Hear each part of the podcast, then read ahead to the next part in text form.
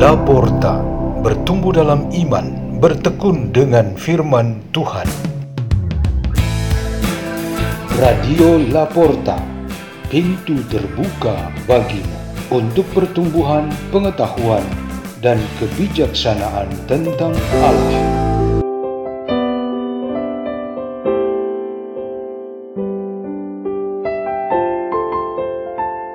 Bacaan dan Renungan Sabda Tuhan Hari Jumat Pekan keempat Masa Biasa 3 Februari 2023 Dibawakan oleh Victor dan Ade dari komunitas Pukat Labuan Bajo Keuskupan Ruteng, Indonesia.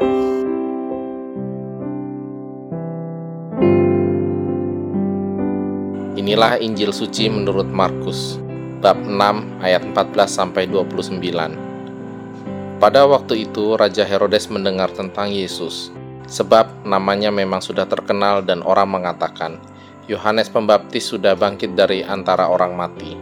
Dan itulah sebabnya kuasa-kuasa itu bekerja di dalam dia. Yang lain mengatakan, dia itu Elia, yang lain lagi mengatakan, dia itu seorang nabi sama seperti nabi-nabi yang dahulu. Waktu Herodes mendengar hal itu, ia berkata, Bukan, dia itu Yohanes yang sudah kupenggal kepalanya, dan kini bangkit lagi. Memang Herodeslah yang menyuruh orang menangkap Yohanes dan membelenggunya di penjara, berhubung dengan peristiwa Herodias, istri Filipus saudaranya, karena Herodes telah mengambilnya sebagai istri. Karena Yohanes pernah menegur Herodes, tidak halal engkau mengambil istri saudaramu. Karena kata-kata itu, Herodias menaruh dendam pada Yohanes dan bermaksud untuk membunuh dia, tetapi tidak dapat sebab Herodes segan akan Yohanes karena ia tahu bahwa Yohanes adalah orang yang benar dan suci, jadi ia melindunginya. Tetapi setiap kali mendengar Yohanes, hati Herodes selalu terombang-ambing. Namun ia merasa senang juga mendengarkan dia. Akhirnya tiba juga kesempatan yang baik bagi Herodias ketika Herodes pada hari ulang tahunnya mengadakan perjamuan untuk pembesar para perwira dan orang-orang terkemuka di Galilea. Pada waktu itu, putri Herodias tampil lalu menari, dan ia menyukakan hati Herodes dan tamu-tamunya. Maka raja berkata kepada gadis itu, Minta daripadaku apa saja yang kau ingini, maka akan kuberikan kepadamu. Lalu Herodes bersumpah kepadanya, Apa saja yang kau minta akan kuberikan kepadamu, sekalipun itu setengah dari kerajaanku. Anak itu pergi dan menanyakan ibunya apa yang harus kuminta.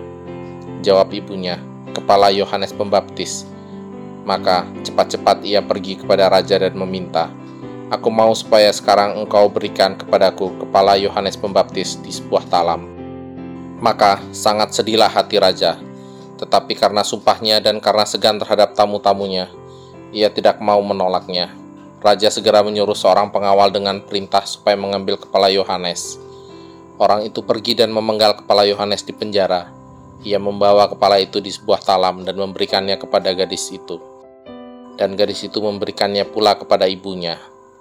Ketika murid-murid Yohanes mendengar hal itu dan mereka datang dan mengambil mayatnya, lalu membaringkannya dalam kuburan. Demikianlah sabda Tuhan.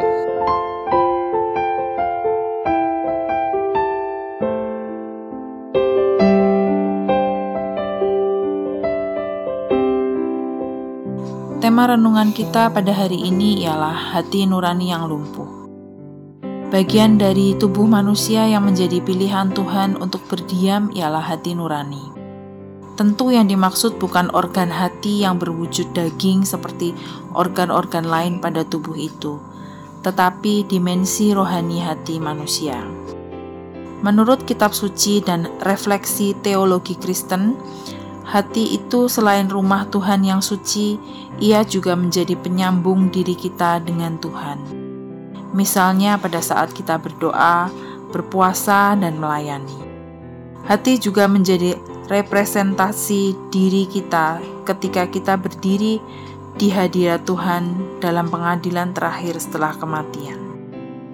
Betapa sering kita mengalami gangguan karena aneka masalah yang menimpa hati kita Santa Teresia dari Kalkuta, ketika masih sebagai biarawati muda, Ia mengalami sebuah sentuhan kuat di hatinya saat menyaksikan orang miskin dan terlantar di pinggir jalan atau emperan rumah-rumah di kota Kalkuta, India.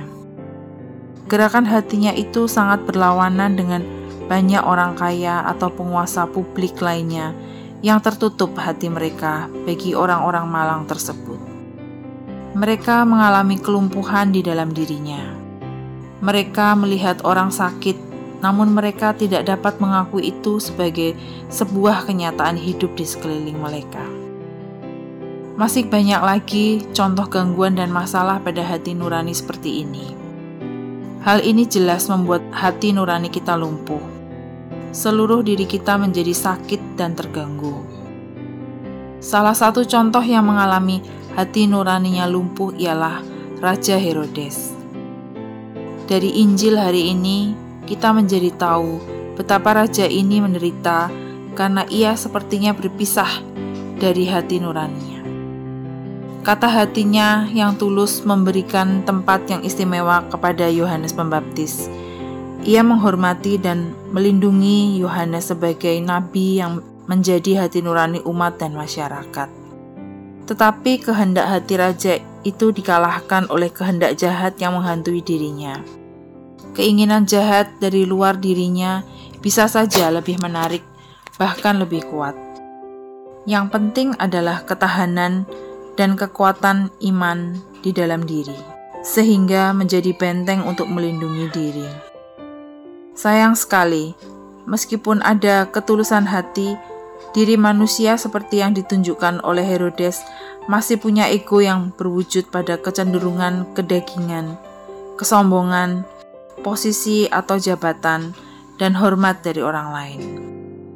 Benteng hati nurani yang jujur, tulus, dan saleh bisa jebol dan hancur karena baik pengaruh jahat dari luar maupun kerapuhan manusiawi dalam diri bekerja sama untuk menaklukkan diri kita. Pengalaman Herodes itu adalah umum bagi kita semua. Sering hati nurani kita lumpuh karena kita tidak mampu bertahan atas pengaruh jahat dari luar dan kelemahan manusiawi kita. Oleh karena itu, kita dinasihatkan oleh surat kepada orang Ibrani untuk mengandalkan kuasa Tuhan Yesus Kristus membela kita. Marilah kita berdoa dalam nama Bapa dan Putra dan Roh Kudus. Amin. Ya Tuhan, tinggallah selalu di dalam hati kami agar hidup kami senantiasa layak bagimu, dan kami menjadi penolong atau pelindung saudara dan saudari kami. Salam Maria, penuh rahmat Tuhan sertamu. Terpujilah engkau di antara wanita, dan terpujilah buah tubuhmu Yesus. Santa Maria Bunda Allah, doakanlah kami yang berdosa ini, sekarang dan waktu kami mati. Amin.